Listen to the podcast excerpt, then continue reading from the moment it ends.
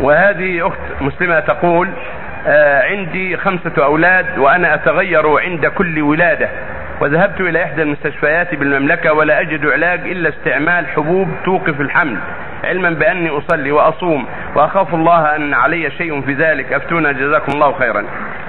عند الضرورة لا بأس بأخذ الحبوب مؤقتا إذا كان هناك مرض وتعب الرحم بسبب الولادة أو إجراء عملية.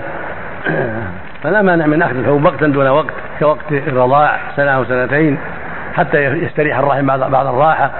فهذا يحتاج إلى مراجعة الأطباء العارفين واتفاق مع الزوج في ذلك إذا اتفقتما وصار هناك ضرر فيوقت. تؤخذ الحبوب بقدر ما قدر محدود حتى يزول الأثر الذي يحصل به الضرر.